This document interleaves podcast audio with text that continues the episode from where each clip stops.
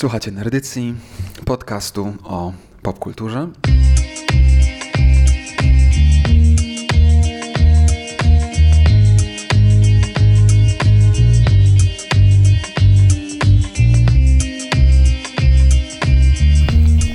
I zaczynamy nowy sezon, jak zawsze we dwójkę. Ja się nazywam Damian, a po drugiej stronie mikrofonu witam Was. Jak zawsze Kuba. No i co tam, Kuba? U ciebie słychać? Jak, jak sytuacja? Podziałkowo, jesiennie. Co tam oglądasz? Co czytasz? No słuchaj, w porządeczku. Yy, trochę z mojej winy zaczynamy z opóźnieniem drugi sezon. Czy też nowy raczej, nerdycji. Yy, ale wchodzimy chyba dzisiaj z grubym tematem, który planowaliśmy od dość dawna, więc cieszę się, że w końcu nam się udało mówić przynajmniej połowę tego, co chcemy. Tak, robimy dyptyk. Eee, tak, dyptyk. Dzisiaj będzie o starociach, a za miesiąc będzie o nowościach. Tak sobie to rozłożyliśmy. Tak, no w nerdycji nie ma wybacz, musi być dyptyk albo sezon. E, no więc co u mnie popkulturowo słuchać? No to oglądałem sobie ostatnio ten nowy horror. Malignant. No tak powiedziałbym no nie wiem, 6 na 10, 5 na 10. Czyli okay, taki. To kiszka. No, bez przesady, no wiesz też. Ja się staram być uczciwy i faktycznie, jak film mi się nie podoba, to daję poniżej 5, a 5 to jest moim zdaniem taki film, który można obejrzeć, nie? Tak, taki jesteś hardkorowy, nie, nie. Dla mnie, tak jest dla mnie dobry film zaczyna się od 6. 6 na 10 to jest taki film, że był ok, nie genialny, ale nie bardzo zły. I jakby dopiero od, od 6 zwyż. Dla mnie 5 to tak raczej no, dzisiejszy wiesz... film na przykład y, oceniłbym na 5. Tak bym zarzucił no, już y, kotwicę. Także wiesz. O nie, o nie.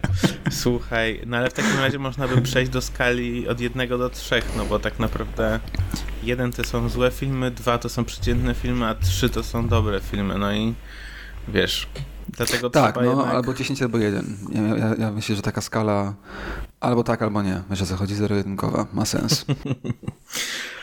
co jeszcze oglądałem? Oglądaliśmy y, ten nowy y, tą nową wersję Himena zrobioną przez Kevina Smitha. Okej. Okay. No i jak? A to nie polecałeś tego? Chyba polecałeś to jakiś czas temu, coś pamiętam. Polecałem. Je, jest y, tak. fajne, mi się podoba.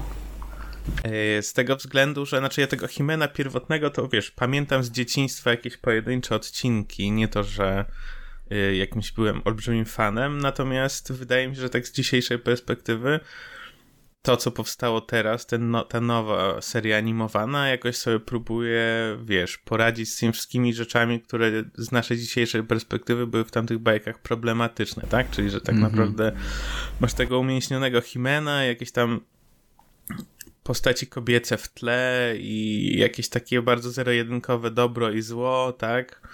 No a tutaj to się trochę wszystko komplikuje i tak naprawdę tego Himena tam nie ma i pierwsze skrzypce grają właśnie zarówno y, po dobrej stronie mocy kobiety, jak i po złej stronie mocy kobiety i one mm -hmm. jakoś tam przełamują ten odwieczny konflikt Himena ze szkieletorem, coś tam, coś tam.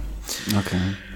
No więc to polecam. Ale to jest ciekawe, bo takich, mhm. tego typu rebootów, tylko tak ci wejdę w słowo, bo wydaje mi się, że to jest, to jest gdzieś jakiś taki, nie wiem, nowy, nowy, nowy rozdział kultury nostalgii, co? Że mieliśmy ten taki moment, o którym rozmawialiśmy w naszym pilotażowym odcinku i trochę nam się on przewija zawsze, nie? Że rebooty, prequele, sequele, od 2000 okolic, nie wiem, 8, 9, 10 do jakoś teraz, a mam wrażenie, że trochę wchodzimy w jakiś taki nowy rozdział właśnie, którego to, co ty powiedziałeś teraz, ten Himan jest trochę kolejnym przykładem, czyli wracamy do starych dzieł kultury, ale update'ujemy je w jakiś sposób, nie? Czyli robimy reboot, czy prequel, czy sequel i staramy się powiedzieć, ok, coś tam ciekawego było, ale też było dużo problematycznych rzeczy i jakoś je, nie? Wiesz o co chodzi? Jakoś mam wrażenie, że, że paru już takich było y, podobnych pomysłów w ostatnich y, miesiącach. Y, więc ciekawe, czy to będzie coś, co w ogóle będzie, będzie się działo, wiesz, na większą skalę też, co myślisz? Mi się wydaje, że mm, no, że będzie więcej takich rzeczy, y, no bo po prostu jest zapotrzebowanie na nie, no.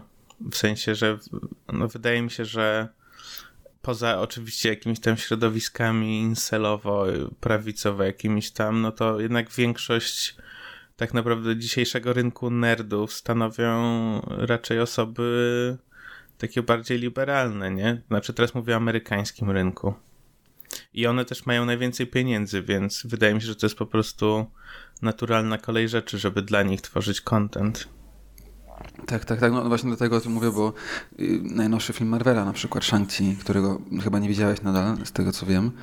Y, nie widziałem. Ale on, on był y, ciekawym filmem z, różnych względów, i, ale właśnie jednym z elementów było dokładnie to samo, tak, że mamy postać, która w komiksach z lat 70. był jakimś tam powiedzmy drugorzędnym czy trzeciorzędnym superherosem, ale jego storyline w komiksie był, że ojcem jego jest Fu Manchu, a Fu Manchu oczywiście, jak wiemy, jest najbardziej rasistowską postacią, e, jeśli chodzi o sposób przedstawiania e, Azjatów czy Chińczyków w tym wypadku w amerykańskiej popkulturze e, ever i, i no jest to niesamowicie problematyczne, więc jak zrobili ten nowy film, oczywiście to nie mogli tego zrobić, ale też nie mogli udawać, że tego nie ma. I jest jakby bardzo jasna i świadoma, wiesz, jakaś taka próba w ramach opowieści filmowej właśnie, wiesz, zadośćuczynienia po części, po części pokazania, że da się inaczej yy, i coś tam, coś tam. Także yy, jest to jakiś ciekawy trend, no. Tak mi się tylko właśnie skojarzyło. No, no to ciekawe, musiał zobaczyć ten film. I co jeszcze widziałeś, powiedz, bo ci wszedłem słowo. Ostatnia rzecz, o której chciałem wspomnieć w sumie,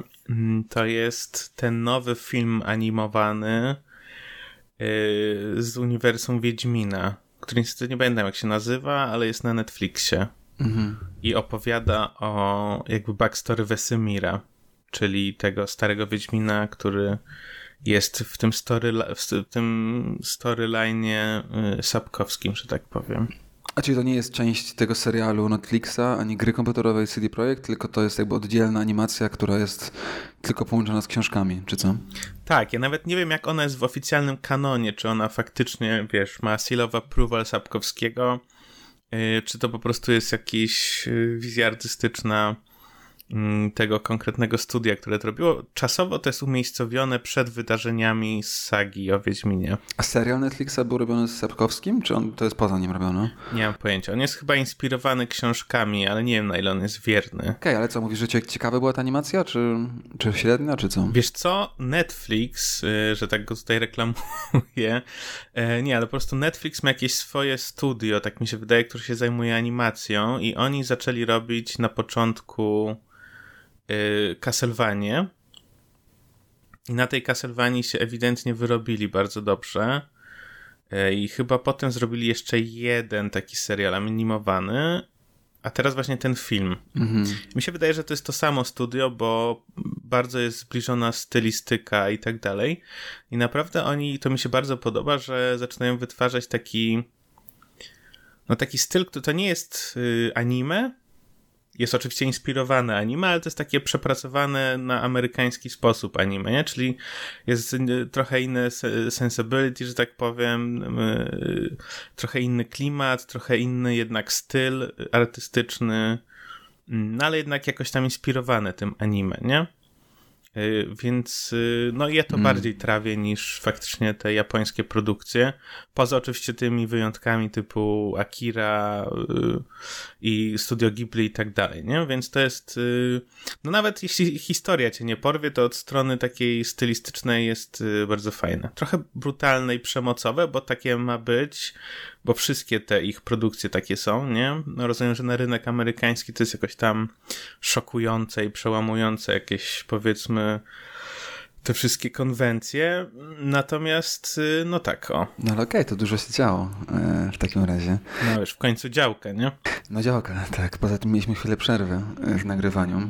Mm, no ja, jak już wspomniałem, Shang-Chi, także o tym chętnie bym pogadał, ale jak nie widziałeś, a mówisz, że obejrzysz, to zostawmy to na kiedy indziej, bo, bo, bo nie ma co mm, tutaj sobie spoilerować i wykorzystywać temat. Ale w kontekście Marvela ostatnio też oglądałem ich nowy serial animowany też. Także jak już jesteśmy przy tym, to, to od, od, odbiję piłeczkę, jeśli chodzi o animowane serie.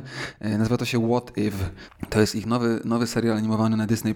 Target grupą zdecydowanie są ludzie, którzy widzieli wszystkie filmy z MCU i bardzo je kojarzą, bo częst, czasem jest tak, że nawet ja się łapię, wiesz, że trochę nie rozumiem, co się dokładnie dzieje i jakby w którym jesteśmy momencie, ale samo w sobie jest to fajne, że zależy od odcinka. Odcinki są, to jest antologia, więc odcinki są zupełnie niepowiązane ze sobą.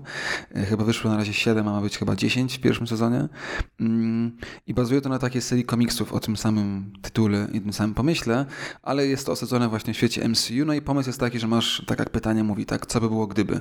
W związku z tym wracamy do różnych momentów ważnych dla MCU, ale jakby coś innego się dzieje. No? Czyli zamiast Steve'a Rogersa, który staje się kapitanem Ameryką, nagle jest jakiś wypadek i Peggy Carter, czyli jego love interest, staje się kapitanem Britain, tak? I jakby jest kobietą, która jest superpowerem, tak? I jest jakby zupełnie inny storyline. Hmm. E, najlepszy był zdecydowanie odcinek e, What If Zombies, czyli po prostu o tym, że świat zostaje opanowany przez zombies i to nawet było śmieszne. E, a te inne tak różnie. No? Niektóre fajnie, niektóre mniej, ale jest to ładnie narysowane. Myślę, że to jest ten podobny styl, o którym ty mówisz na tej Castlevanii. Jakby kojarzę ten, ten styl anime, taki właśnie zamerykanizowany. Inne filmy, e, już tylko żeby jeden wspomnieć, to, to też widziałem nowy film, który nazywa się The Green Knight, e, Zielony Rycerz który był bardzo dobry. To był, to był bardzo fajny film.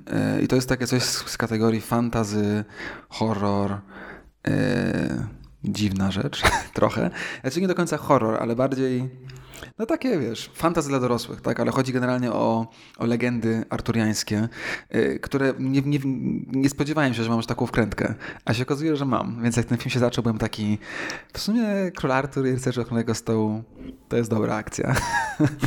I bym sobie poglądał te inne filmy. I szkoda, że tak mało ich jest jakoś nowych, bo te wszystkie stare widziałem jako dziecko. A ten właśnie jest nowy, jest ta, ta legenda o tym Zielonym Rycerzu, którą kojarzysz. No jest zrobiony bardzo na poważny, więc taki, wiesz, yy, No jest ładne kolory, muzyka. Przede wszystkim muzyka i kamera robią wrażenie, no i końcówka jest super. Także jest trochę taki, że jak taki jeden długi sen, że trochę nie wiesz, co się dzieje, są jakieś dziwne sceny i potem jest taka naprawdę super mocna końcówka, która jakby podciągnęła go z 6 na 7 na 10. Widzisz? Tak, ja tak oceniam. Także jak końcówka na przykład dobrze wchodzi, to, to jest nice. E, więc to było coś, co nawet bym był w stanie polecić. Także jak nie wiem, czy widzieliście to, czy nie, ale było to na pewno ciekawe, szczególnie jak jest wkrętka w rycerzy, to, to tym bardziej. No i ostatni film, o którym myślę, że trzeba powiedzieć e, w naszym wstępniaku Kuba. Jest to film, który obejrzeliśmy razem. Także w tradycyjnej historii Wydarzyło się to dopiero po raz drugi, że byliśmy razem w kinie, od kiedy zaczynamy nagrywać nasz podcast. I to było dwa tygodnie temu. Jeszcze zanim opowiem o tym filmie, to ja, jeszcze mi się przypomniało coś, co chciałem dorzucić koniecznie. Powiedz, powiedz. To What If brzmi super. E, I chyba sobie to obejrzę w takim razie. I ten Green Knight, to już chyba też mi o tym wspominałeś. Okej. Okay. Więc też sobie chętnie zobaczę. Natomiast przypomniało mi się a propos Marvel i What If, to ostatnio widziałem coś, co już pewnie wszyscy widzieli, ale widziałem Spider-Man Into the Spider-Verse, mhm. który totalnie mi, za przeproszeniem, urwał dupę, e, bo był świetny, świetna animacja i w ogóle jakby stylistycznie jak mam takie wrażenie, że wzięli ten film, pomyśleli sobie, dobra, mamy tego Majka Moralesa, więc teraz y, robimy taki film, który jest niebiały, w związku z czym dajemy kreatywną wolność różnym artystom i tak dalej i to naprawdę super wyszło. W pełni się zgadzam. Myślę, że to jest nerdycyjny seal of approval bez dwóch zdań. E, ten film jest jednym z lepszych w ogóle filmów, uważam, o superbohaterach ostatnich lat. I to, co mnie zachwyciło, to to, że masz ten pomysł tam na, na ten multiverse, w którym jakby każda postać z różnych uniwersów ma własny styl komiksowy. I to jest niesamowite. To było tak kreatywne i tak fajne, że ta zabawa, wie, że ten film wygląda jak komiks, nie? że Super wiem, to było. cienie to nie są po prostu ciemne połacie koloru, tylko wiesz, malutkie kropeczki jak w komiksach i potem to wszystko zostaje postawione do góry nogami w tym momencie, jak zostaje wiesz, wprowadzone te inne postaci z innych stylów komiksowych. Super, bardzo, bardzo na plus. Tak, ale w ogóle też już jakby sam początek, zanim mamy wprowadzone te różne uniwersa, jest tak, że to trochę wygląda jak takie clay animation, trochę wygląda jak 3D, trochę wygląda jak 2D, to jest taki blend i zależnie od tego jaka jest scena i coś, to się to zmienia tak. i używa tego i to tak naprawdę było takie, takie super. Tak, tak. Więcej tak. takich rzeczy byśmy pewnie chcieli raczej niż kolejnych Avengersów. To już było parę lat temu, więc dziwię się, że nie było sequela. Ja byłem przekonany, że to był, to był ogromny sukces i kasowy i krytyczny um, i to było Sony Animation Studio, więc to jest zupełnie niezależne od Marvela i Disneya. Oni mogą robić co chcą ze Spider-Manem więc nie wiem, czy pracują nad sequelem, czy go nie będzie, co tam się dzieje, ale y, i wiesz, i te wszystkie postaci poboczne mogłyby mieć własne filmy. Generalnie jakby ten świat był bardzo, bardzo fajnie stworzony. Pełni się z tobą zgadzam. No dobra, słuchaj, to po, yy, po Spider-Verse może czas udać się na Srebrną Planetę. Ale segway zrobiłem. Tak, jest, jesteśmy na Srebrnej Planecie, bo tak to się wydarzyło, że dwa tygodnie temu poszliśmy do kina Open Air na powietrzu. W ogóle w bardzo fajnym miejscu swoją drogą. Komuna Warszawa e, ma nową siedzibę. Kiedyś byli na Pradze, potem nie wiem gdzie, a teraz są na Emily Plater w dawnej szkole z lat 60. Także jakby ktoś nie znał, to polecamy. E, jest to w ogóle całkiem dziwne uczucie, by siedzieć w budynku, który wygląda identycznie jak wszystkie nasze szkoły podstawowe, w których na pewno każdy z nas przynajmniej parę lat spędził, ale być to na jakby melanżo kulturowo-artystycznym. E, I tam właśnie był pokaz specjalny filmu polskiego sci-fi na Srebrnym Globie, na Srebrnej Planecie. Na srebrnym, chyba na Srebrnej Planecie, nie jestem pewien. I jest to film z 1978 i 88, ponieważ w dwóch różnych momentach był on robiony i kończony i to jest też gdzieś tam istotne. Andrzeja Żuławskiego, e, przemocowca, o którym nie będziemy dzisiaj mówić, ale sam film, jako pierwszy film polski sci-fi, o którym prawie nagraliśmy odcinek, ale w końcu go nie nagramy, pomyśleliśmy sobie, że przynajmniej trochę o nim pogadamy teraz w ramach wstępniaka 2 e, w tym odcinku. Tak. Więc co powiesz, Kuba? Jakie miałeś oczekiwania i co, ci się, co tam się wydarzyło w ogóle? Słuchaj, no pierwszy mój komentarz tak naprawdę to jest, y, no jest to polski film.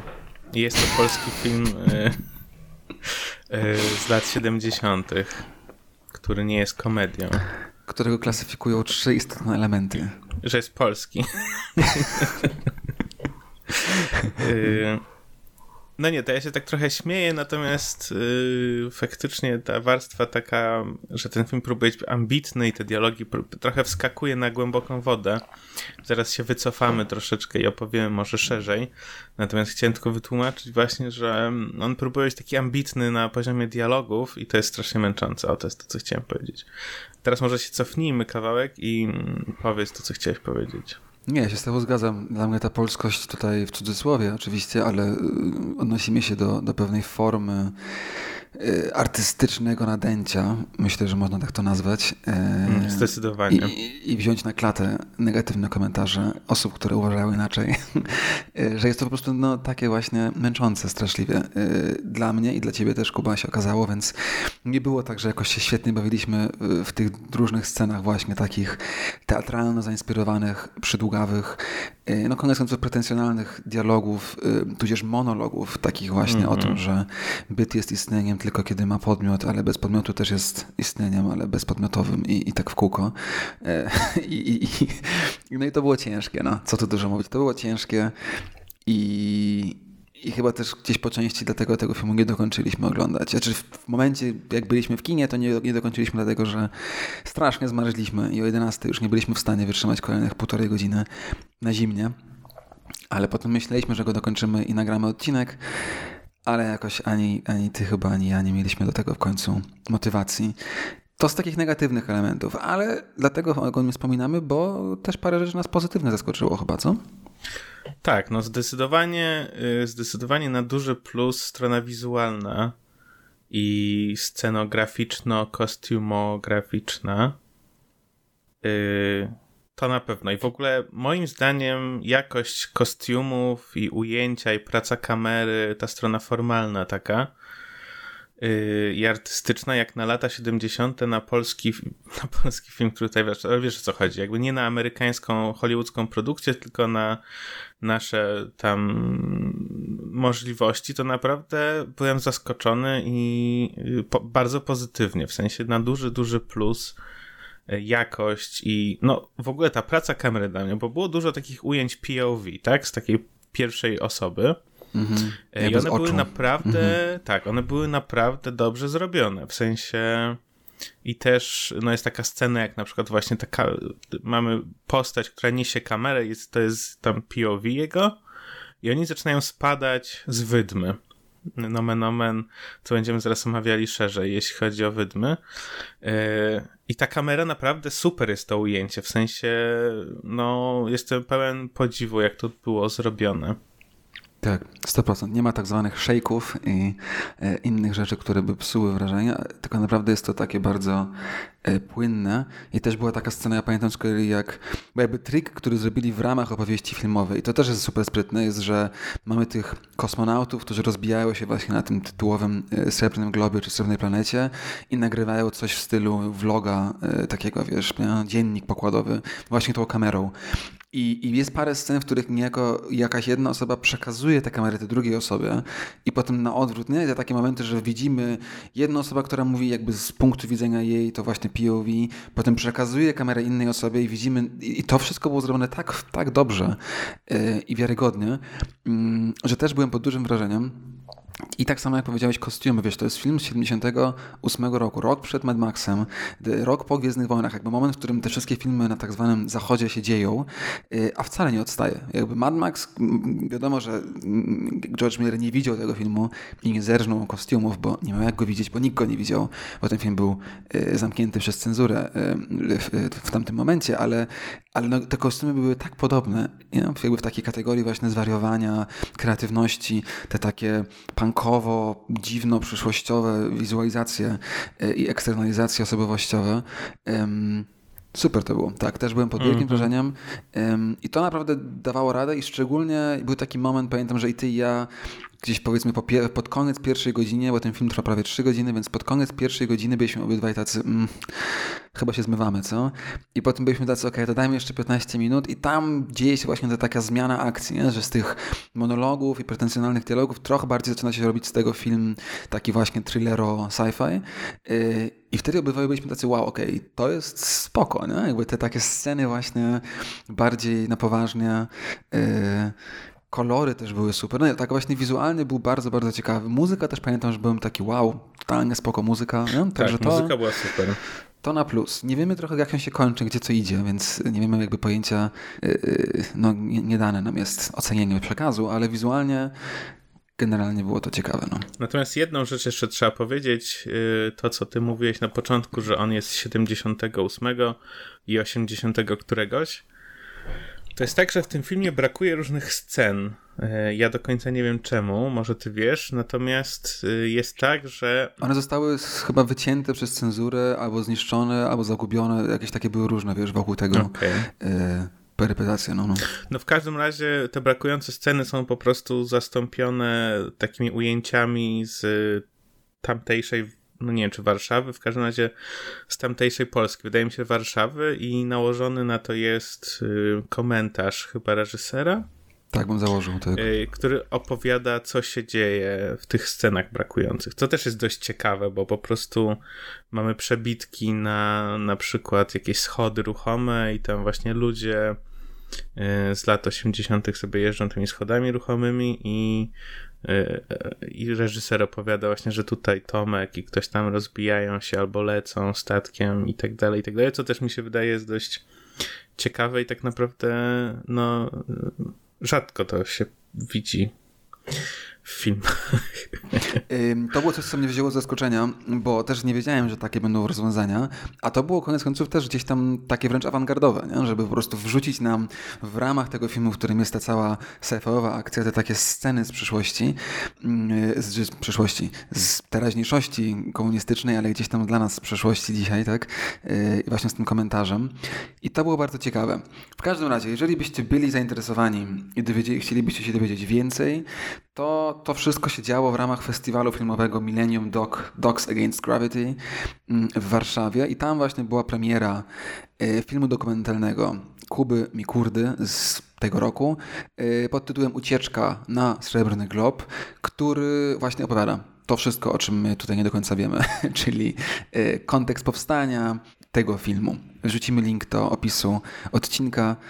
I jakby ktoś chciał się dowiedzieć więcej, to może tam można jakieś ciekawostki wyłapać. Też właśnie o tym, jak to zostało wyprodukowane, jeśli chodzi o kamerę i tak dalej. No? Tak, a sam film też jest dostępny na YouTubie e, i na innych stronach, to już każdy może sobie wygooglać.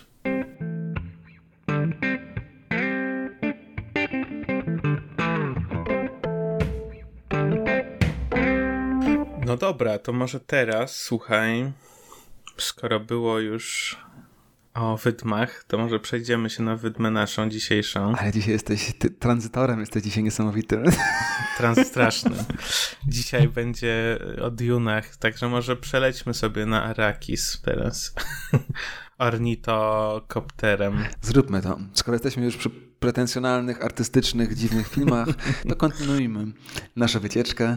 Yy, i przejdźmy po półgodzinnym wstępie, ale to dlatego, że nowy, nowy sezon, dlatego pozwalamy sobie na to, do tematu odcinka dzisiejszego i następnego. I dlatego też dzisiaj tak trochę będzie dłużej może o kontekście, bo mm, tak jak powiedzieliśmy, dzisiaj będziemy omawiać po części, po części książki, przynajmniej pierwszą i może kolejne, trochę sobie poskaczemy, po książkach z sagi y, Duny Franka Herberta i innych.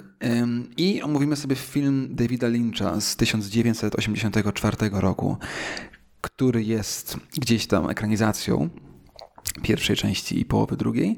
I za miesiąc nagramy sobie odcinek o nowym filmie Duna, najbardziej oczekiwanym blockbusterze megaprodukcji sci-fiowej ostatnich lat z brawurową obsadą i tak dalej. Więc żeby w następnym odcinku już nie musieć tak dużo, a czy pewnie będziemy sobie skakać, no ale dzisiaj generalnie robimy ten taki właśnie kontekst i wstęp i ten stary film.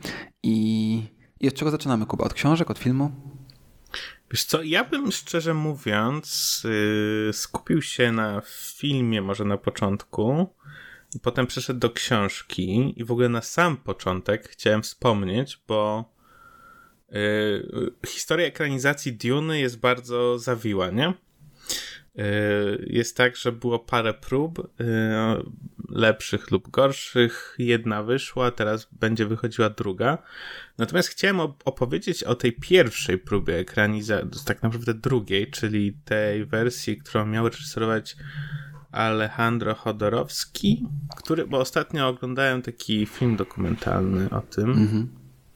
Yy, I on w ogóle zebrał, no bo tak, Duna wyszła w latach 60., prawda? No i Hollywood trochę się od razu zainteresowało ekranizacją tego. To nie wychodziło z różnych przyczyn, no i w końcu doszliśmy do tego Chodorowskiego, który powiedział, że chciałby nakręcić tą Dune i to miał być w ogóle taki trippy experience. On powiedział dokładnie, że chciałby, żeby w trakcie oglądania tego filmu widz miał poczucie, jakby wziął LSD bez brania LSD. Więc to w ogóle miała być jakaś totalnie mega produkcja, e, bardzo awangardowa, która z oczywistych przyczyn nie mogła się udać, bo on powiedział, że nie będzie przyjmował żadnych notatek od studia. Mm, to ma być kompletnie jego wizja i jakiekolwiek krytyka albo próby zmiany y, nie wchodzą w ogóle w grę i że on ma totalną wolność artystyczną nad długością tego filmu, nad scenariuszem i tak dalej. Więc oczywiście żadne hollywoodzkie studio w tamtych latach nie mogło na to przystać. Natomiast sama wizja tego filmu i jakby ten ensemble, który on zebrał, y, cast i ludzie, którzy to produkowali, potem jak się okazuje, y, no tak naprawdę ukształtowali prawie kolejne dekady Hollywood, jeśli chodzi o science fiction. No bo począwszy od Emperora Shadama, którego miał grać e, Salvador Dali, miał tam grać Mick Jagger i tak dalej, i tak dalej. To jest ta strona, że tak powiem, castu, e, ale z tyłu mieliśmy takie osoby jak Mobius, który jest z tego, co kojarzę, jakimś bardzo sławnym komiksiarzem, mm -hmm. ale też Giger, który wcześniej w ogóle nie pracował przy filmach, a który stworzył koncept arty, teraz byśmy to nazwali, do tego filmu, które potem prawie jeden do jednego poszły do Aliena.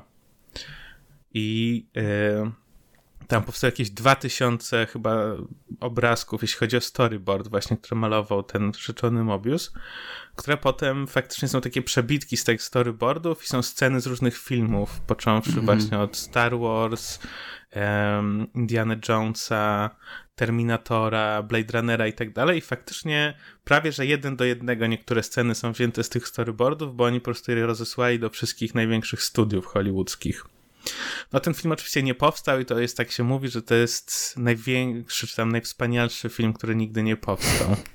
Ale który, no jeśli wierzyć, że tak powiem, tej narracji autorów tego dokumentu, no ukształtował jakoś tam w znaczący sposób Hollywood. Mhm. Tak, no... Y to są takie zawsze rzeczy, tak? Najwspanialszy film, który nie powstał, może też jest tak, że gdyby powstał, to wszyscy by go nienawidzili, bo byłby tak ciężki do oglądania, ale na pewno jest prawdą to, że ta wersja Chodorowskiego e, no przynajmniej brzmi niesamowicie ciekawie i ten film dokumentalny też wrzucimy w, w, w opis odcinka e, i tak samo wrzucimy link do, do tych rysunków właśnie Mobiusa storyboardowych, bo e, no są fascynujące i, i ta, ta, ta to, to relacja, ta relacja, którą już tutaj zarzuciłeś, którą wspomniałeś, e, którą zarysowałeś między właśnie Duną a Gwiezdnymi Wojnami jest bardzo ciekawa, bo e, i, i ja bym ją podchwycił, bo wydaje mi się, że jest jakimś takim dobrym momentem, żeby od niej zacząć, ponieważ mamy właśnie pierwszą książkę Franka Herberta, Duna, która wychodzi w 1965 roku czyli dużo wcześniej niż Gwiezdne Wojny. I, jak się ją czyta dzisiaj, e, albo kiedykolwiek, ale jakby już po momencie, kiedy powstały Gwiezdne Wojny, to widać jak bardzo, szczególnie pierwsza część Gwiezdnych Wojen, jest, e, no jakby być miłym, to można by powiedzieć zainspirowana, jakby być niemiłym, to po prostu można powiedzieć, że zerżnięta z. I, i to są zarówno duże rzeczy, takie jak generalny story arc, e, wiesz, Chosen One, walka, sytuacja z ojcem, jakieś takie różne rzeczy, ale tak samo małe rzeczy, tak jak, jak to, że na Arakis są dwa księżyce, a w, na Tatooine są dwa słońca.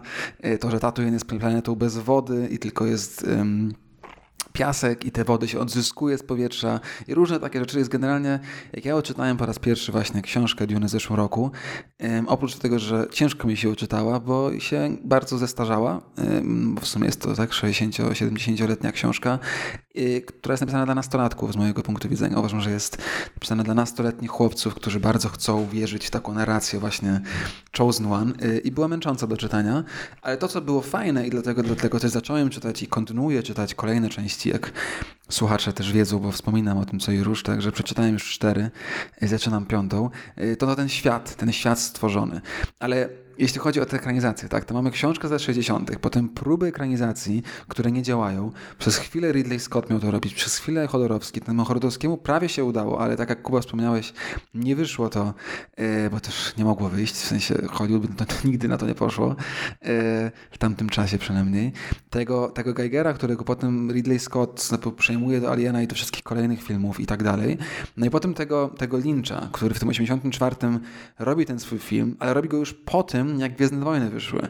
I jak się ten film ogląda dzisiaj, to z kolei ten film z dziwnych, niewyjaśnionych powodów bardzo jest dziwnym filmem, jeśli chodzi właśnie o te relacje z Gwiezdnymi Wojnami, bo są zerżnięte znowu sceny z Gwiezdnych Wojen w nim, razem z jakimś takim zupełnie odczapem niesławnym i jeden raz użytym stwierdzeniem May the hand of God be with you, um, który oczywiście jest tutaj rip-offem May the force be with you, którego nie ma w książce, jest kompletnie odczapy i w ogóle jakby wiele rzeczy, które Lynch dodał do tego filmu są dziwne, ale szczególnie ta scena, jak ją widziałem i jako dziecko i teraz właśnie parę dni temu, jak ten film widziałem, znowu byłem taki why, wiesz, jak bardzo można być po prostu obwiózł w próbie cash graba na, na Gwiezdnych Wojnach.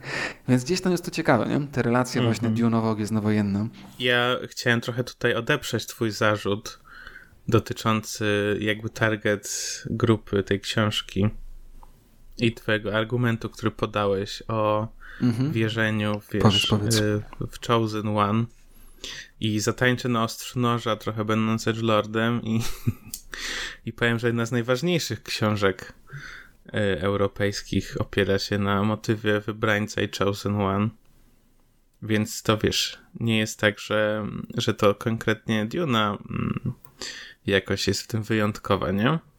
Nie, nie, no, nie, to wiadomo, że nie. To jest jakby, wiesz, no wiadomo, że motyw y, no, Hero of a Thousand Faces, tak? Campbell to opisał, że wszystkie nasze mity i legendy bazują na, na bardzo podobnym y, story arku y, wybrańca, który musi pokonać różne problemy w swojej drodze i wrócić odmieniony i tak dalej.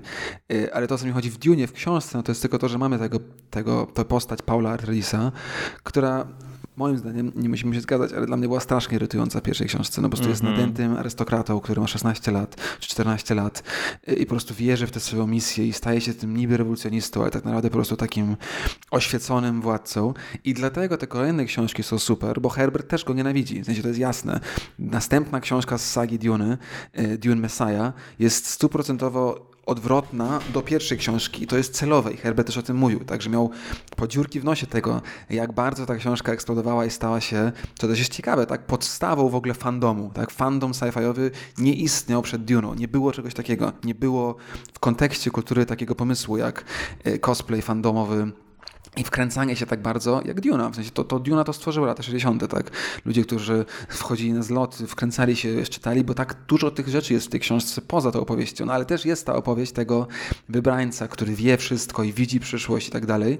No i potem w Dune Messiah to zostaje postawione na, na głowie, tak? Który mamy przeskok i tak dalej, tak? E, mamy oczywiście tą warstwę, teraz bardzo gestykuluję dla ludzi, którzy mnie nie widzą. Mamy tą warstwę, yy, że tak powiem, tego Pola Atreidisa, tą warstwę, tak jak mówisz, to, tą opowieść wybrańca i coś tam, coś tam, bla, bla, bla.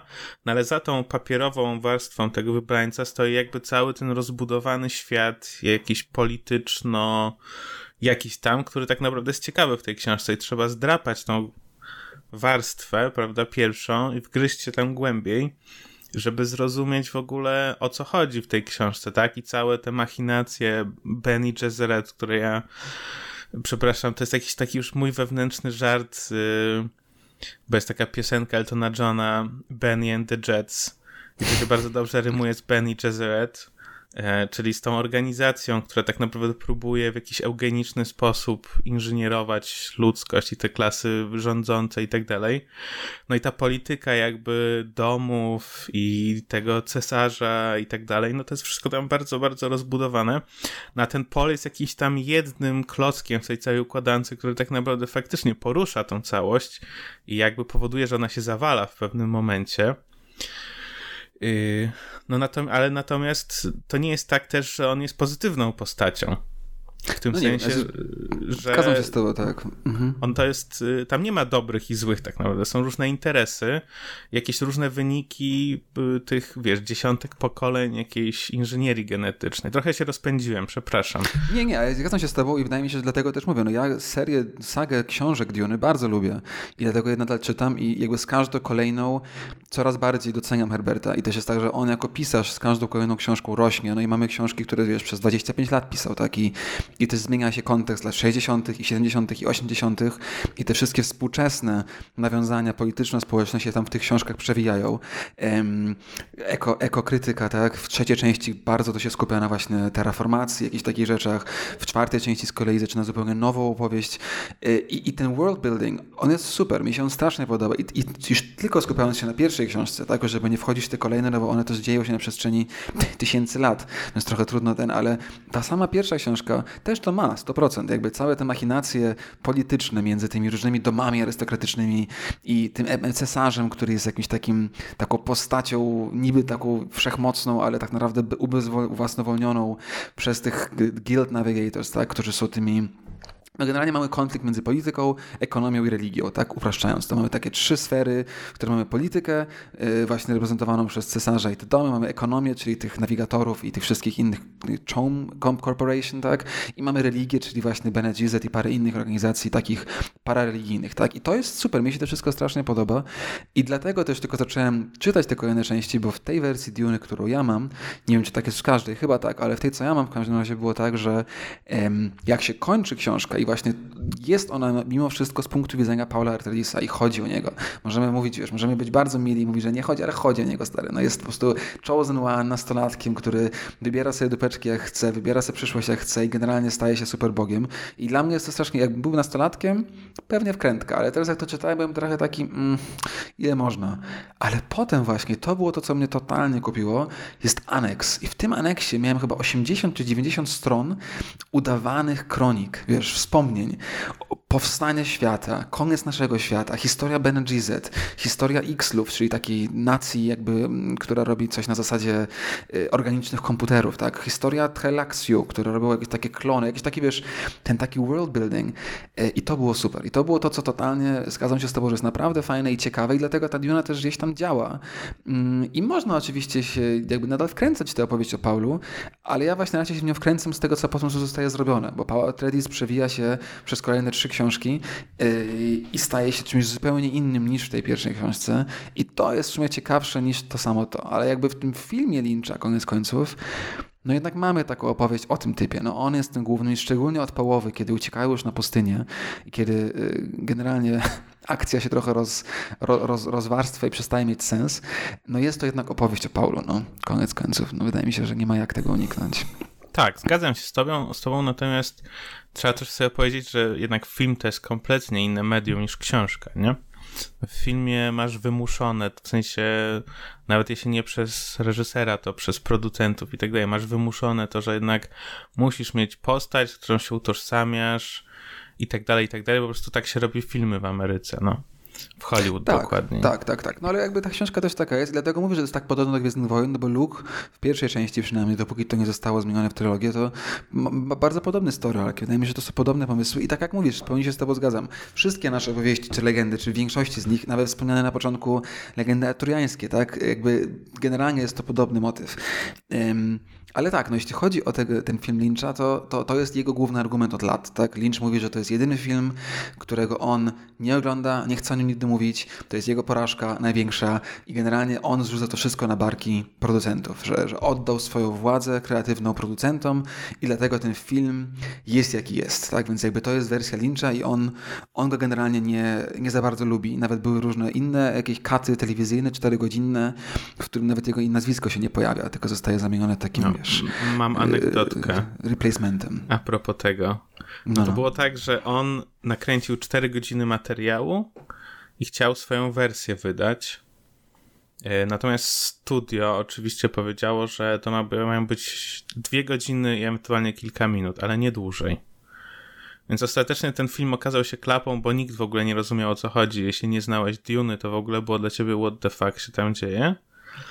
Natomiast potem faktycznie wysz, wysz, wyszła ta wersja telewizyjna, która miała być podzielona na dwa filmy, tak żeby leciała przez dwa wieczory, gdzie zostały dodane sceny różne, ale ponieważ studio nie chciało płacić za proces kolorowania oczu, bo tam w filmie wszyscy mają takie niebieskie oczy, a niestety to trzeba było robić klatka po klatce i to było bardzo kosztowne, no to w tych dodanych scenach, w tym wersji telewizyjnej, oni nie mają tych pokolorowanych oczu. To jest jedna rzecz, a druga faktycznie nie pojawia się nazwisko Lyncha, bo on powiedział, że nie chce, żeby się tam pojawiało jego nazwisko. I pojawia się nazwisko kogoś innego. Natomiast jako screenwriter jest wymieniona osoba, która nie istnieje i nazywa się ona Judas Booth.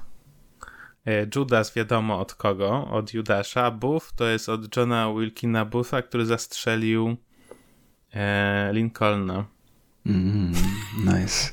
No z reżyserem tak samo, ten, który się pojawia, to jest Alan Smithy. To jest taki trik hollywoodzki zawsze, że jak właśnie robił film, którego reżyser jakby odchodzi i mówi, że go wiesz, nie, jest, nie, nie rozpoznaje jako swój film, to właśnie zawsze jest ta fikcyjna postać tego Alana Smithy. Także podobnie, chociaż Judas był y, lepiej, lepszy, lepszy flow niż, niż Alan Smithy. Mm, no więc tak, y, to powiedzmy sobie może, y, powiedzmy sobie może o tym filmie, I tak, wiesz, e, takim nerdycyjnym zwyczajem od, Dobra, połowy, od połowy opowieści o czymś zacznijmy, może trochę ją streszczać, o co chodzi. Tak, tak. I myślę, że do tych książek wrócimy, bo myślę, że i ty i ja się gdzieś tam w, w nie bardziej wkręcamy, więc możemy nimi zakończyć, bo też potrzebujemy je do następnego odcinka. Ale zacznijmy i teraz skupmy się na filmie Lyncha. Masz rację.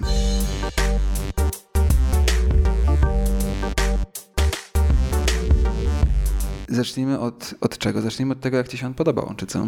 No to może zacznijmy od tego, jak y, tobie on się podobał. Ty masz go bardziej na świeżo obejrzany. Ja go widziałem jako dziecko na VHS-ie i pamiętam, że zasnąłem, że nic, nic, nic nie szczaiłem, byłem kompletnie WTF, bo właśnie myślałem, że będzie, bo tak, tak był reklamowany na VHS-ach, że to jest jak Gwiezdne Wojny, więc bardzo myślałem, że będzie, wiesz, akcja i tak dalej, a jest po prostu taki, jaki jest. I jedyne, co pamiętałem z tego filmu, to jest scena z ręką, y, test y, płonącej ręki. Gom Jabaru. Tak. Y, jak go widziałem teraz znowu w zrestaurowanej wersji 4K y, parę dni temu, to y, powiem tak, dzięki temu, że czytam książki i dość dobrze ogarniam kontekst świata Duny, te wszystkie nazwy, postaci i tak dalej, i pierwszą część jakby wiem, co się w niej dzieje, na pewno łatwiej było mi zrozumieć, co się dzieje. I jest tak, że myślę, ja powiedziałbym, że pierwsze pół godziny zawiązania akcji naprawdę działa. Podoba mi się y, postać Irulan, która się pojawia, jak w książce, tak, księżniczki, która tłumaczy, jest jakąś taką kronikarką i wprowadza nas. Podoba mi się, y, nie jest to mój styl, ja poszedłem w inny wizualny styl, ale jakby doceniam yy, kuraż Lyncha, tak, żeby pójść w te opcje tych yy, uniformów armii, jak nie wiem, jakieś brytyjskie uniformy z XIX wieku czy z lat 40., yy, styl nawigatorów, spoko, y, chociaż za bardzo trochę w kierunku Jabby, Jabba the Hutt, ale generalnie doceniam ten, ten vibe. To mam kolejną anegdotkę a propos nawigatorów. No dobra, powiedz. E, no to z jednej strony mamy oczywiście tych nawigatorów już faktycznie te takie bloby, które pływają w tej wodzie, ale tam się pojawiają, że te, te, tak, tam się pojawiają też ich przy, takie przydupasy, nie? Tak. To już normalni ludzie. Ambasadorzy. I oni mają, oni mają kostiumy zrobione z body bags. Okej, okay, to są takie... Czyli z takich worków, worków na ciała martwe, nie? Mhm. Tak, tylko że y, jakby co jest w tej anegdotce trochę przerażające, to żeby ciąć koszty, y, to były używane body bags. Y, czego nie powiedziano oczywiście aktorom, którzy okay, je nosili. To trochę obrzydliwe. obrzydliwe, no. Trochę obrzydliwe.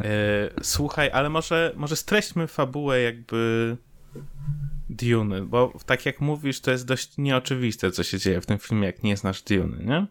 Więc może ja zacznę, ty przejmiesz coś tam. Dobra, zróbmy No to. więc ogólnie cała Duna tak naprawdę zaczyna się od momentu, w którym ród y, Atreidisów dostaje, znaczy niejako zostaje zmuszony przez imperatora, no bo po w świecie Duny mamy takie domy y, jakby szlacheckie i mamy imperatora, tak? Który stoi na górze tego. No i dom Atreidisów zostaje niejako zmuszony przez, przez y, imperatora, żeby przejął władzę nad planetą Duna, która jest jedynym źródłem przyprawy, tak zwanej, czy też melanżu, który właśnie pozwala, pozwala na szybsze niż światło przemieszczanie się w kosmosie. Dzięki czemu ten cały, jakby to całe imperium stworzone z wielu światów jest w stanie, no tak naprawdę być imperium, a nie jakąś kolekcją planet, które nie mają ze sobą kontaktu. E, a imperator zmusza e, dom Atreidisów do przejęcia Duny, dlatego że chce się ich pozbyć.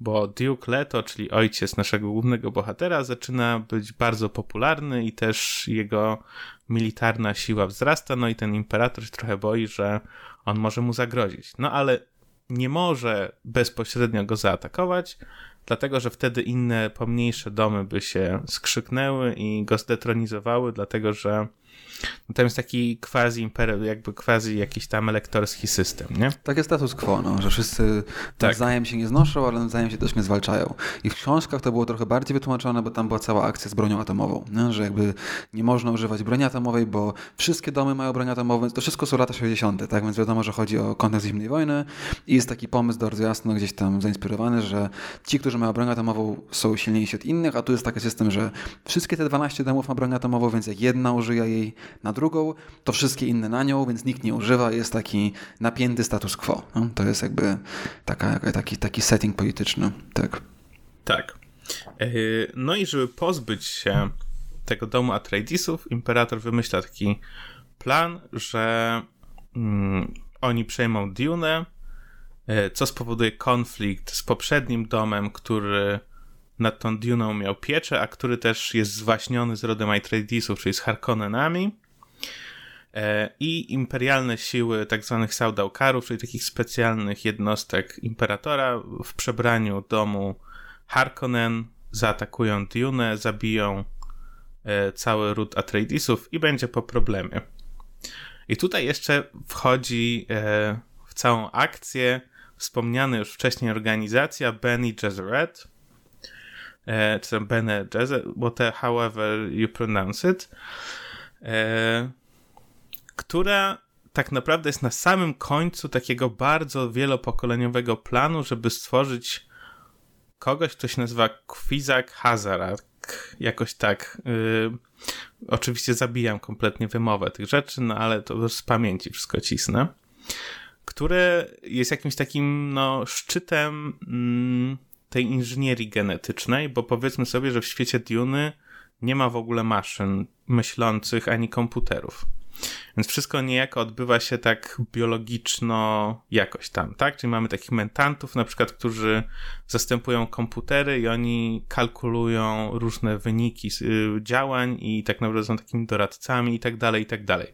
Dlatego też mamy zapotrzebowanie na tą gildię, bo nie używamy komputerów. I to jest spoko. Znaczy, to w ogóle jest bardzo fajny element, który jest na pewno trzeba powiedzieć czymś, co Frank Herbert sam gdzieś tam, wiesz, dodał do, do kultury sci-fi, nie? Ten taki pomysł na to, że, że mamy 10 tysięcy lat przyszłości, ale właśnie nie jest to świat, jak zawsze byśmy chcieli, latających maszyn, droidów i tak dalej, tylko on, on to wymyśla coś, co się nazywa Butlerian Jihad i to był moment, w którym wszystkie komputery na świecie zostały zniszczone yy, z różnych powodów, ale właśnie jest ta przyszłość taka wyobrażona, okej, okay, jest to w przyszłości, ale trochę wracamy do feudalizmu przeszłościowego, a zarazem coś się zmieniło, no bo musiało się zmienić, bo ludzie się zmieniają, ale właśnie nie ma tych komputerów. Nie? Są te mentaty, takie właśnie organiczne komputery z zamysłem, że ludzki rozum de facto mógłby być jak komputer, gdyby się dało. To jeszcze były te czasy, kiedy się nauka wychodziła z błędnego założenia, że używamy tylko 5% mózgu i ten cały bullshit, ale wtedy tak się myślało. No i właśnie są te postaci mentatów, którzy myślą tylko logiką, nie mają emocji, nic się nie, nie, nie rozumują, tylko są w pełni takimi logicznymi stworzeniami. Nie? To jest, to jest mm -hmm. dobra mhm. wkrętka. Tak. I im jakby, tylko o tym wspominam, no bo jakby to jest ważne, żeby jakby ta, tak jak mówisz, ta, taka, to napięcie między nimi, a Bene Gesserit jest właśnie fajne, no bo są dokładnie odpowiednio różni, tak? Że jakby mentaci to są ci, którzy tylko myślą i tylko logika i tylko rozum, a Bene Gesserit właśnie to jest ta spirytualność, wszystkie religie połączone w jednym. To w książce jest też dużo bardziej rozwinięte, tam też są jakby połączone Biblię z Koranem, z Torą, jakby w jakąś taką jedną y, knigę religijną i tak dalej, i tak dalej. I właśnie Bene Gesserit działa tak, że w każdej społeczności, na każdej planecie zawsze mają swoją reprezentantkę, która przez wieki, wieki, wieki gdzieś tam tworzy lokalne legendy, coś tam, coś tam i to wszystko sprowadza się właśnie do tego, że niezależnie od miejsca we wszechświecie zawsze jest ta legenda o tym Chosen One, o tym Kwizaku Haderiku, czy jakkolwiek go się wymawia, że przyjdzie i będzie tym Mesjaszem. No, to jest ta taka, tak. ten setting taki ideologiczny. No i powiedzmy sobie jeszcze, że mentanci to są mężczyźni, a e, Benny Gesserit się składa wyłącznie z kobiet. Tak jest, to też jest istotne. Niestety. Mm. Tak. E, no i jakby wracając do tej narracji, którą z wielkim wysiłkiem tu przedstawiam, e, wchodzi postać Jessica, którą już wspominaliśmy. Jest ona żoną e, Duke'a Leto, która jest oczywiście Benny Gesserit. I ona miała za zadanie urodzić córkę, która potem miała zostać ożeniona z domem Harkonnen i z ich związku miał powstać ten rzeczony kwizak, coś tam. I zakończyć zwaśnioną spinę między rodami. Tak. No ale ona, ze względu na to, że kochała tego Duke'a Leto i nie był to tylko jej obowiązek, ale też no miłość, to urodziła mu syna, który yy, jak nazywają go w książce, znaczy Benny Gesserit okazuje się, że nie jest zadowolony z tego faktu że ona urodziła tego syna i to jest nasz rzeczony Paul Atreides, który oczywiście zostanie potem The Chosen One. Tak. I on jako pierwszy mężczyzna przechodzi też tutaj wspominany Gom Jabbar, czyli taką próbę czegoś tam. Ja już teraz w tym momencie nie pamiętam. Natomiast okazuje się, że właśnie z takim połączeniem pomiędzy Mentantem yy, i tymi mocami Bene tak, Czyli jakby w sobie, w swojej postaci niejako łączy tak, te, te elementy czystego rozumu i czystej religijności. Przechodzi ten Konjabar, czyli niejako staje się częścią Bene Gesserit, ale zarazem też później przychodzi e, Trial of Water, który nikt nigdy nie przeszedł, żaden mężczyzna, który u, u, u, pozwala mu stać się czymś, co nazywane jest Reverend Mother, e, czyli jakby inkarnacją wszystkich poprzednich inkarnacji danej linii Bene Gesserit z którymi może sobie rozmawiać i jakby czerpać z ich wiedzy i też czerpać z ich mocy. I to jest jakby taki moment superpowerstwa, e, który się potem dzieje. Ale żeby ci wejść w słowo, Kuba, i może wiesz, dokończyć e, z, z te summary synopsisu, e, bo jesteśmy jakby prawie już przy samym końcu. Dokładnie to się dzieje, że leci ten Artredis, cały ród na Dune, tam Na razie wpada... jesteśmy na początku. Ja wiem, ale chcę przyspieszyć. Wpada w zasadzkę, wszyscy giną, oprócz, i tutaj jest to, co się nie dzieje, co się miało wydarzyć, właśnie Jessica i Paul przeżywają. I przeżywają w taki sposób, że zostają Zostanie dany im y, niejako azyl i ochrona wśród Freemenów, czyli ludzi żyjących na Dunie, in, in, y, autochtonów lokalnej ludności, mm, o których nic nie wiadomo, którzy żyją poza tak zwanym off the grid, są niejako takimi ludźmi, którzy nie biorą udziału we, we współczesnym świecie, tak by się wydawało, ale właśnie w trakcie, kiedy Paul i Jessica razem z nimi żyją, zdają sobie sprawę z dwóch ważnych elementów. Pierwszym takim, że y, wcale nie ma ich kilkaset, tylko jest ich kilkaset tysięcy, albo nawet milionów, czyli jest ich dużo, dużo więcej niż, niż wszyscy wiedzą we wszechświecie, a po drugie, że są niesamowicie y, zdolnymi i super silnymi wojownikami. I w trakcie... Przewyższających, przewyższającymi siłą tych Sardukarów, tak. imperatora. I koniec końców to wszystko się kończy tym, że Paul staje się ich przywódcą, tym właśnie wymarzonym Mesjaszem, przyjmuje imię Muad'Diba i po szeregu różnych y, aktów, nazwalibyśmy to terroru, w których niszczy y, infrastrukturę wydobywania właśnie melanżu, który jest czymś na wzór y, takich złóż kopalnych, powiedzmy, tak, najłatwiej to ująć, że się jego wykopuje, powoduje całkowite zaprzestanie produkcji melanżu, w związku z tym zmusza imperatora i gildię i wszystkich innych do tego, żeby przylecieć na Dune i zobaczyć o co chodzi i wtedy w wielkiej walce yy, z pomocą Freemanów i on, będąc tutaj tym właśnie Chosen One, pokonuje zarówno Harkonnenów, jak i imperatora.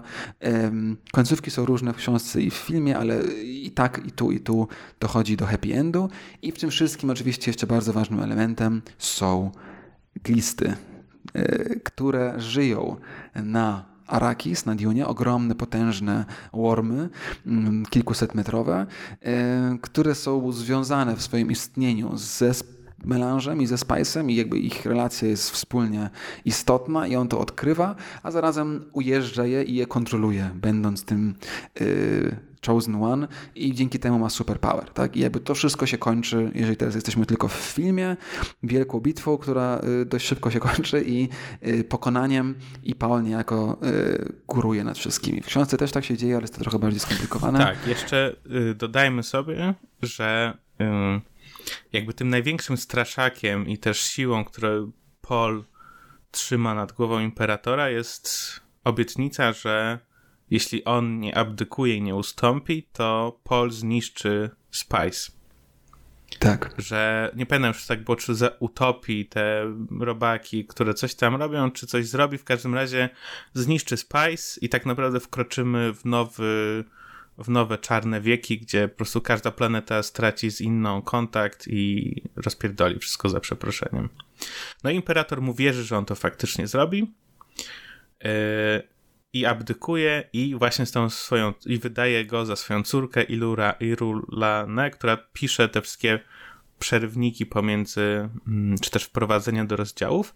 I następuje jeden wielki plot twist, który chyba trzeba teraz powiedzieć. Mianowicie, jeśli chodzi o to, kim naprawdę jest Paul i jakby kto jest jego rodziną. I tego, ani tego, ani tego nie ma w filmie, także tutaj wyskakujemy do książek, tak, ale pewnie w nowym będzie. Ale... Tak, wskakujemy do książek, no ale to jest ważne dla fabuły, bo okazuje się, że Jessica, z tego co pamiętam, jest y, Harkonnenką. Jest córką barona córką barona Harkonnena, czyli naszego głównego złola, którego Paul nienawidzi i tak dalej. No i okazuje się, że Paul jest też Harkonnenem. Jest przynajmniej w tej linii od matki, tak?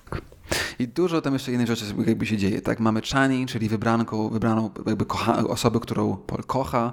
Mamy Alię, czyli jego siostrę, która rodzi się y, przedwcześnie z supermocami Reverend Mothers. Y, mamy ważne postacie takie jak Duncan Idaho, czyli głównego wojownika, który potem ginie, ale potem nie ginie, bo powraca jako klon y, przez wszystkie kolejne książki. I mamy wiele innych postaci, które samo w sobie są w książce super opisane, tak na tyle opisane super, że gdzieś tam stały się takimi shorthandami. Nie? Mam nadzieję, no mam wrażenie, na przykład Duncan Idaho myślę, że jest znany mm -hmm. nawet dla tych, którzy nie znają książek Dune jako taka postać archetypiczna pewnego typu postaci. Nie? Tak samo e, Gunnar czy, czy Dr. Yue um, i tak dalej. Więc to jest na pewno ciekawe, że te, te książki wytworzyły takie postaci nośne. Nie? Tak samo jak Gwiezdne Wojny. Tak? Każdy zna Darta Vadera, każdy zna Jabba, Boba Fetta. Nie? Takie właśnie bardzo fajnie napisane, jakieś takie mocne postaci y, i to jest moja krytyka, że tego w filmie nie ma. Żadna z tych postaci w filmie moim zdaniem niestety mm -hmm. nie jest fajnie oddana w taki sposób, że, że, nie? że masz takie wrażenie super dobrany aktor czy aktorka działa. Nawet Patrick Stewart niestety y, nie działa. Tak, tak ja uważam. I, I Pal też nie działa. Generalnie jeśli chodzi o obsadę aktorską i, i formę aktorską w tym filmie Lyncha, y, no nie są to wybitne performance, tak bym to ujął. Nawet Sting ci nie odpowiada? Sting mi odpowiada, Sting jest super.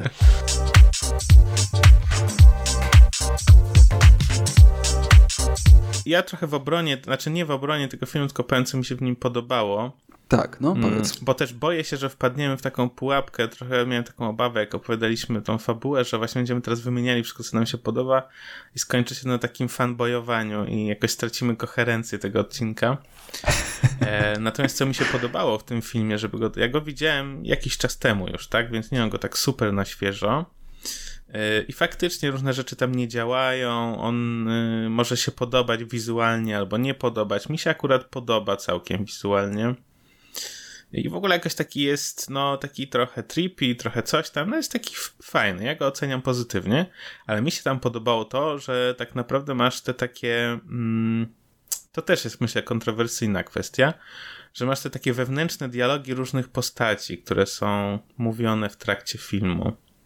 I to mi się podobało, choćby z tego względu, że tak naprawdę jest to bardzo rzadko używany zabieg dzisiaj.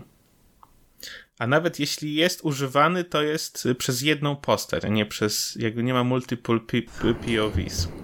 Tak, znaczy to, to teraz jest bardzo częste, to jest breaking the fourth wall, tak? Czyli postaci, które odwracają się, patrzą prosto w kamerę i mówią do nas, jak na przykład w wybitnym serialu Fleabag yy, albo w House of Cards yy, i w wielu innych to teraz jest coś, co się przewija dość często, tak? Że nagle postać jakby wychodzi ze sceny i mówi do nas jakiś komentarz. To jest ostatnio coraz częstsze, ale takie właśnie yy, superimpozowane komentarze z offa, jak to się mówi, czyli nagrane po prostu y, nagłos przemyślenia wewnętrzne różnych postaci i to nawet kilku w jednej scenie scenie pomiędzy tym, jak ze sobą rozmawiają, to jest bardzo rzadkie i, i zgadzam się z tobą. Można mówić, jakby podobać się albo nie, ale samo w sobie, że, że to się dzieje, to jest ciekawe.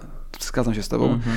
Um, i ja też nie mówię, że mi się ten film nie podobał. Ja po prostu uważam, że jest yy, zbyt chaotyczny, żeby się podobał. To jest moja, moja, opinia. Jest po prostu czymś, co z jednej strony strasznie chcieli, czy Lynch, czy producenci, nie wiem, żeby było jak najwięcej informacji z tego świata Duny, yy, więc te wszystkie nazwy się pojawiają, te wszystkie postaci, to wiesz, każdy, każdy detal tak naprawdę tam się pojawia, ale zarazem dlatego, że nie chcieli, żeby to był czterogodzinny film, to nie jest to w ogóle wytłumaczone. I jakby im dłużej film, tym bardziej to się staje denerwujące. Na początku to jeszcze gdzieś tam działa, ale właśnie po tej ucieczce na, na, na, na pustynię, która w książce jest niesamowicie ważna, bo mamy postać Stilgura, który jest takim właśnie y, znowu archetypicznym y, liderem wolnych ludzi, który, który jest przeciwko światu współczesnemu i generalnie jest konserwatystą i bardzo tradycyjną postacią, ale rozpoznaje w Paulu właśnie wybrańca i, i Mesjasza i, i ufa mu i on go uczy. I to jest, to mi się w książce strasznie podobało, ten taki moment takiego, wiesz, survivalowego DIY, nie? Jak mm -hmm. chodzić po pustyni, jak atakować glistę, jak robić coś. Tego filmu w ogóle nie ma nic, tylko pan nagle to wszystko wie, randomowo to rzuca, takie wiesz, to wszystko było strasznie tak, chaotyczne. w ogóle postać y, Stilgura, czy jakkolwiek on się nazywa, też jest ciekawa, bo tak naprawdę ich relacja, czyli Paula i jego, przechodzi z takiej pozycji, że on go uczy właśnie tych wszystkich y, The Way of Fremen, a potem mają taki konflikt, bo w tym społeczeństwie Fremenów e, tak naprawdę władza przejmowana jest w taki sposób, że trzeba zabić lidera, nie? Że się go wyzywa na pojedynek, się go zabija. E, tak, no i oni się stali bardzo bliskimi przyjaciółmi, no ale Paul ewidentnie chciał przejąć władzę, czy też jakby no był zmuszony przez los, żeby to zrobić. I mieli taki, yy, mieli taki konflikt, no ale Paul przełamuje ten cykl niejako i mówi, że nie będziemy walczyli, bo nie ma sensu jakby się zabijać nawzajem i ty będziesz przewodził tej naszej grupie, a ja się stanę takim ogólnodowodzącym prezydentem naszym Fremenów. A czy chciałem tylko, y, to te, tak mi się teraz przypomniał ten wątek, właśnie to było ciekawe, że oni przychodzą z takiej relacji, znaczy, że zamieniają miejsca tak naprawdę, jest mistrz i uczeń, a potem to się totalnie przewraca na głowę. To, co mi się jeszcze strasznie podobało, jeśli nie chcemy tak być negatywni, to yy, rozwiązanie wizualne, jeśli chodzi o tarczę. I to było coś, co w ogóle tego się nie spodziewałem i to było genialne, bo, bo w książkach i w tym całym świecie Dune jest tak, że e, istnieje shield, tak zwana tarcza, yy, która chroni cię przed atakami i tak dalej. I, w książce jest bardzo ważny element, że na Arakis właśnie nie można używać tarczy, bo użycie tarczy spowodowałoby e, przyciągnięcie glist i generalny wybuch i jest no, niebezpieczne, więc tarcze są zakazane na Arakis. W filmie tego nie ma, w ogóle nie wchodzimy w te szczegóły w filmie, ale to, co jest w filmie, to mi się strasznie spodobało, że wizualnie to jest tak rozwiązane, że jak te tarcze się włącza, to jakby ciało zostaje okryte taką y, półprzezroczystą masą, która właśnie nie jest ani w kształcie ciała, ani nie jest obła, bo zdałem sobie sprawę właśnie, jak oglądałem ten film, że generalnie sci-fi jest zawsze obły, nie? że takie, taki typowy kształt przyszłości to jest coś obłego, koło, okrąg, nie? To wszystko jest takie jakby wodniste, smooth, aerodynamiczne, a tutaj to po prostu są takie, takie sześciano, czy takie, jak to się mówi, prostopadłościany z ostrymi kątami, które y, wyglądają, te, te, są takie sceny, jak, jedna scena właśnie, jak, jak Paul walczy z kimś tam w dwóch y, shieldach, no generalnie to wygląda jak postać z Minecrafta. I to jest strasznie śmieszne i bardzo mi się to spodobało. To było super, a jeszcze powiedzmy, ja y, podchodziłem do tego odcinka w taki sposób, że nic nie będę pamiętał i w ogóle to będzie totalna klapa, a teraz okazuje się, że to będzie odcinek mojego największego fanboyowania. Tak, e, zdecydowanie. I powiedzmy sobie o tych tarczach, bo one też w kontekście książki są ważne. E, no bo jest tak, że te tarcze powodują, że trzeba bardzo wolno zadawać ciosy, bo one wszystko, co szybko jakby próbuje przejść przez tą tarczę, zatrzymuje, nie? W związku z tym w książce jest tak, że wszystkie te domy szlacheckie uczą się bardzo konkretnej techniki walki, która właśnie ma przeciwdziałać tym tarczom. No jak Paul pierwszy raz walczy z Fremenem, który wyzywa go na pojedynek, to okazuje się, że oczywiście jest super fighterem, no ale cały czas ma wyuczony ten styl walki e, z tarczami, więc wszyscy ci pozostali Fremeni uważają, że jakby on bawi się nim, nie? że tak naprawdę powinien go już dawno zabić i przestać udawać, yy, a on po prostu walczy tym swoim stylem walki z tą tarczą, nie? czyli właśnie jakieś takie ma powolne ruchy i tak trochę nie atakuje bezpośrednio i tak dalej. To też mi się wydawało ciekawe, co w filmie chyba też tego nie ma. No w filmie jest coś, co jest wielkim znakiem zapytania. Też może ty wiesz, bo ty ewidentnie jesteś większym y, znawcą tego filmu niż, y, niż ja. Bo coś, co zostało dodane przez Lyncha, dużo elementów on dodał, dużo nie dodał, ale, ale jakiś taki bardziej istotny element, który Lynch dodał do tego świata Duny, jest to, że on zinterpretował właśnie tę formę walki jako nową broń, którą Ruth Artredis wytworzył. Y, I to była taka broń, że się nakłada na szyję coś na wzór harmoniki. To się nazywa harmonika, tak? Takim taki instrument, którym się gra y, i on zamienia fale dźwiękowe w y, jakby takie ładunki mocy i to jest to, co się w tym filmie pojawia, że Paul i Jessica uczą Freemanów, że właśnie w, w jakby konkretny sposób modulacji głosu poprzez tę harmonikę można strzelać. I oni tam krzyczą Chaksal, Chaksal i to jakby wybucha rzeczy, a potem się w ogóle okazuje, że słowo Muad'Dib jest jakimś taką najbardziej istotnym yy, czymś, co, co niszczy. I, I jakby rozumiem pomysł, bo, bo te Bene Gesserit w książkach mają coś, co nazywa się The Voice i to są takie słowa mocy, to można tak sobie wyobrazić, jak, jak w Gwiezdnych Wojnach Obi-Wan mówi, że to nie są droidy, których szukacie i, i Stormtrooperzy wiedzą, że to nie są droidy, których szukają, czyli jakby niejako wpływanie na, na wolną wolę, tak, poprzez głos i jakby rozkazywanie głosem. To jest bardzo fajne w książkach. To w filmie też się pojawia, trochę dziwnie, ale okej, okay. ale właśnie to, co zostaje dodane, jest ten taki element właśnie tych, tych broni przez te naszyjniki i to było strasznie dziwne, w ogóle nie działało i mi się to bardzo nie podobało ale może ty wiesz, Kuba, jakby dlaczego to zostaje tam wprowadzone? Ja to wyparłem w ogóle z yy, pamięci. Okay. Teraz mi o tym przypomniałeś trochę, ale dalej jakoś... Yy... No jest po prostu gdzieś to głęboko zakopane w mojej podświadomości i nie pamiętam o tym. Tak, tak bo w książkach jakby to, co jest głównym dla mnie problemem w tym filmie Lyncha jest to, że on z jednej strony bardzo chciał być takim właśnie blockbusterem letnim, akcja, ten młodzik, ten chosen one, wybuchy i tak dalej, a z drugiej strony gdzieś rozpoznał, że to, co jest fajne w świecie Duny, jest to połączenie polityki z tą spirytualnością no? i z, to, z tym takim elementem. I to też chciał użyć.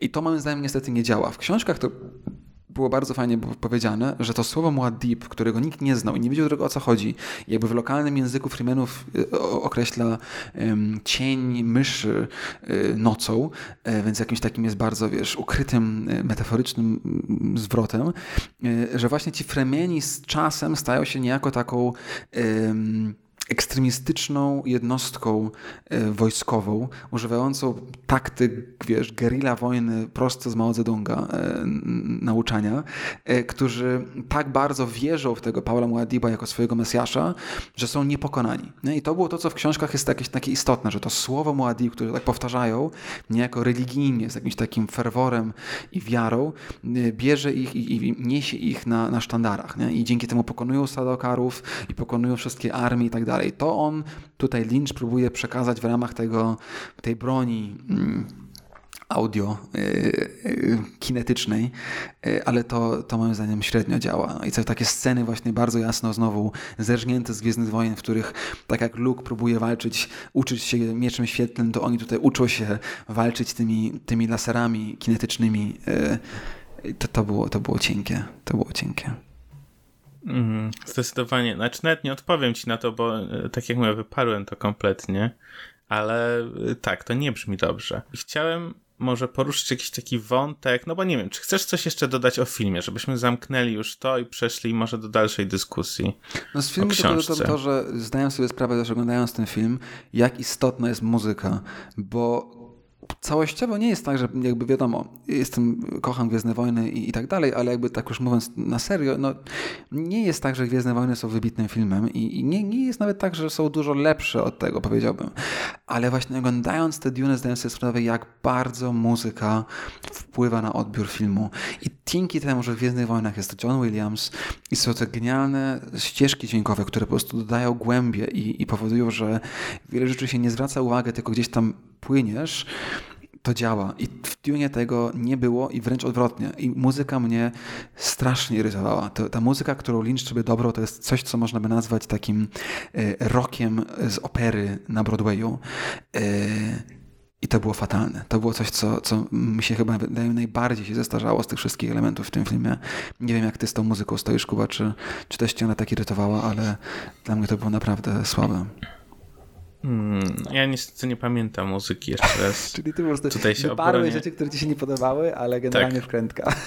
Tak, tak trzeba zrobić właśnie. Nie, bo ja lubię niektóre elementy, tak jakby, no jakiś sentyment do tego filmu. Po prostu uważam, że on nie jest tak zły, a też no jest jedyną ekranizacją Dune, więc po prostu trzeba lubić to, co się ma.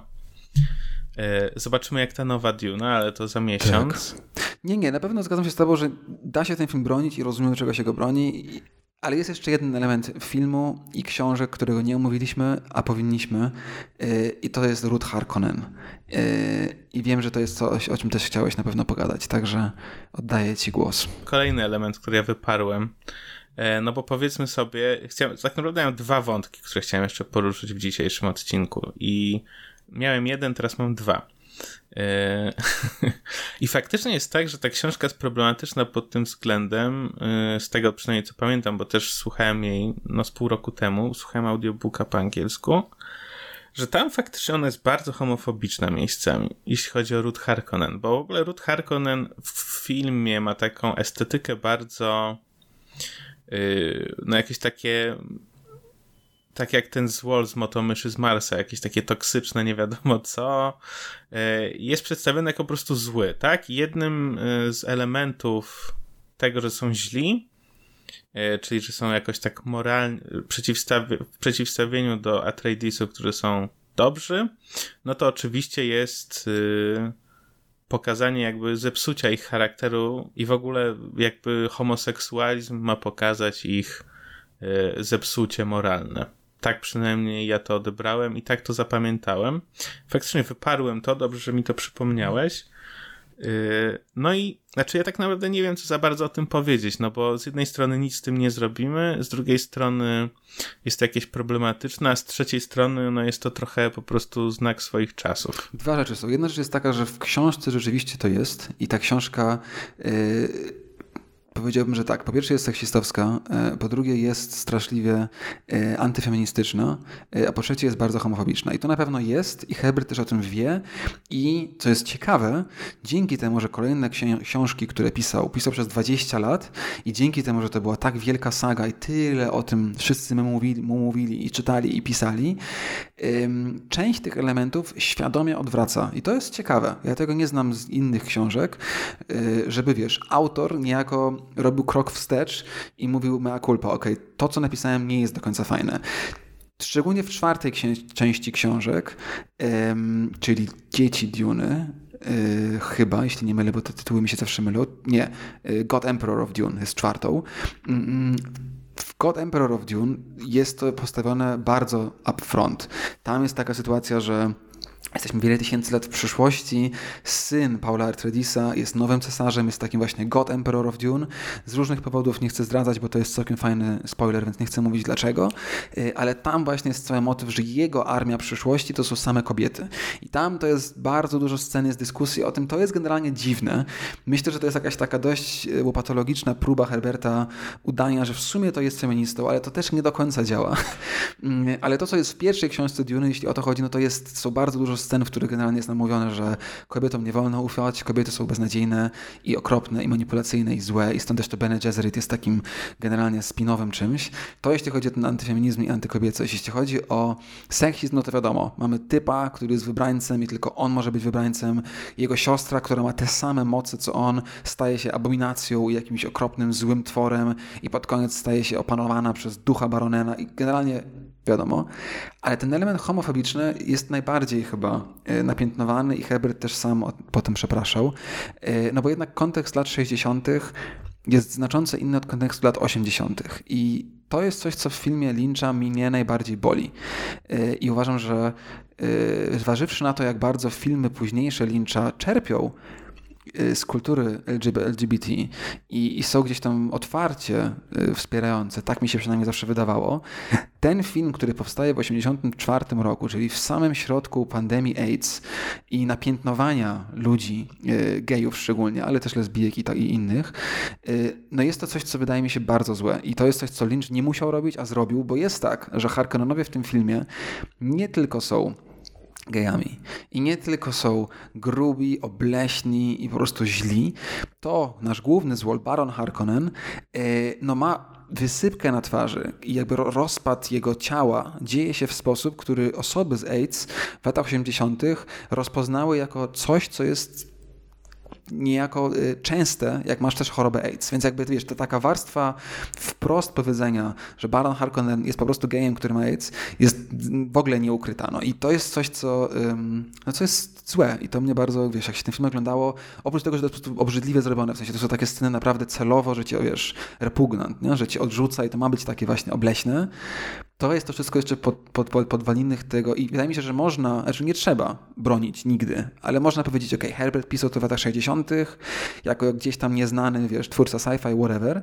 Yy, tak, wiesz, jednak Lynch jako no jednak bardzo znany już twórca w latach 80., yy, myślę, że nie ma jak go bronić. No. Tak, no szczególnie taki który jest teraz znany jako powiedzmy jakiś alternatywny, awangardowy i tak dalej. Yy, no jeszcze biorąc pod uwagę ten kontekst, w którym to się odbywa, tak? Yy, I jakby to, no to totalną taką traumę tego całego społeczeństwa, yy, czy to yy, no LGBT i tak dalej. Trochę nie mogę się wysłowić dzisiaj. No to jest okropne, tak? A z drugiej strony mm, myślę, że na przykład, znaczy z dzisiejszej perspektywy znowuż też musisz wiedzieć o tym że to tak jest, bo jak oglądasz jako osoba, która totalnie nie ma o niczym pojęcia, to nie rozpoznasz tego jako e, faktycznie powiązanie, prawda, z latami 80. z epidemią HIV czy AIDS, e, no, a z drugiej strony to jednak powstało w tamtym kontekście i wtedy to było jakby totalnie do przeczytania. Więc zgadzam się z tą, że to są te dwa problematyczne elementy, zarówno w książce, jak i filmie. No właśnie, dlatego tylko tak wiesz, wiadomo, tak jak powiedziałeś, nic nie możemy zrobić, ale ciekawe, jak twórcy nowego filmu się do tego odniosą, bo jednak 2019-2020 rok, czyli wtedy, kiedy ten film powstał, to jest zupełnie inny moment niż lata 80. i niż lata 60.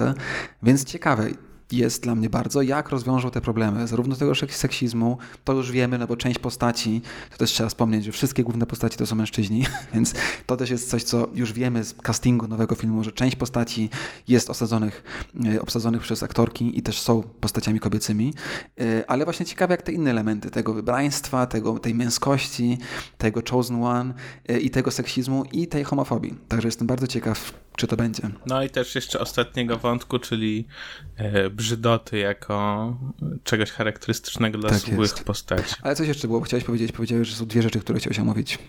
Tak, jeszcze jest y, drugi wątek, który chciałem poruszyć tak już na sam koniec, o którym nie będę jakby się w niego zagłębiał, bo jest o wiele lepsze źródło, a poza tym nie czuję się kompetentny, żeby to robić, bo dużo tej książki opiera się na różnych rzeczach, które są zaczerpnięte z kultury islamu. E, jest odcinek podcastu, który ty mi poleciłeś. To jest w sumie jeden z niewielu odcinków, który ja słuchałem tego podcastu, czyli Imaginary Worlds. E, o właśnie o tym, o jakby recepcji tej książki przez osoby, które są zanurzone w kulturze islamu. E, a nie przez, no, quote unquote, zachodnich odbiorców. Jak to tam y, gra i że tak powiem, no tak naprawdę z tego co ja pamiętam, to niektóre osoby, które się tam wypowiadają, mówiły, że to była dla nich bardzo ważna książka i bardzo odświeżająca, bo to była pierwsza książka science fiction, która w ogóle brała właśnie te elementy kultury islamu E, jakoś się tam wykorzystywała, tak? Więc jakoś tam umiejętnie, nieumiejętnie, e, jakby z wzięciem poprawki na, e, no wiesz, jakby poprawność polityczną, czy też nie, moglibyśmy dzisiaj powiedzieć, no ale wykorzystywała. No i że ona jest jakoś tam ważna, a poza tym to jest dość ciekawe, jak tam są tłumaczone te różne rzeczy. Więc myślę, że to jest godne polecenie w kontekście pierwszego mm, tego odcinka, który teraz nagrywamy i w ogóle w kontekście książki. 100%. I też jest tak, że to jest wątek, którego nie poruszyliśmy, ale y, z, mojej, z mojego punktu widzenia to też było świadome, bo wydaje mi się, że ten nowy film przynajmniej ze zwiastunu wygląda na to, że dużo bardziej będzie szedł w tym kierunku właśnie, czyli tych nawiązań po części z islamem, a po części z Afganistanem. I to jest coś, co wydaje mi się, że warto zostawić sobie na następny odcinek, bo y, dzisiaj już mamy dość długi odcinek i będziemy jeszcze raz omawiać Dune, więc może nie, zestaw, wiesz, nie, nie, nie, nie, nie wchodźmy we wszystkie wątki, y, ale dobrze, że to wspomniałeś, bo tak, istotnym elementem nawiązania jest islam, mamy dżihad, mamy muadżedinów y, i mamy y, różne inne rzeczy, które znamy is kultury i, i, z historii. No i mamy ten istotny element Afganistanu, który wtedy był ważny, potem był ważny i znowu staje się ważny od kiedy to, to się dzieje, co się dzieje w Afganistanie. Więc wydaje mi się, że to jest dobry moment też, żeby zakończyć naszą dyskusję i zostawić to sobie na następny raz, bo w filmie Lyncha tego w ogóle nie ma on kompletnie, kompletnie ignoruje, zupełnie ignoruje kontekst arabski. Mamy samych białych aktorów, w ogóle nie jest wspomniane to, że to się tam dzieje i to jest coś, co wydaje mi się znowu dziwne i dlatego ten film mi tak słabo wszedł, bo to jest super. I to też jest ciekawe znowu w kontekście Gwiezdnych Wojen, bo z kolei w Gwiezdnych Wojnach mamy czerpanie garściami z daoizmu i buddyzmu i z kultur wschodnich. Nie? Więc to też jest ciekawe, jak bardzo te dwa duże takie światy sci-fiowe czerpią z dwóch dużych religii, ale na swój sposób sposób, a tak naprawdę u podstaw są po prostu opowieścią o Jezusie. Więc y, jest to ciekawe, ale wróćmy do tego za miesiąc. Co o tym myślisz? Tak, zdecydowanie mm, myślę, że możemy to zostawić sobie na potem, bo i tak dzisiaj było dość grubo. Mamy jeszcze drugi odcinek, więc wróćmy do tych różnych elementów i też wtedy zakończymy sobie dużą dyskusję o Dune.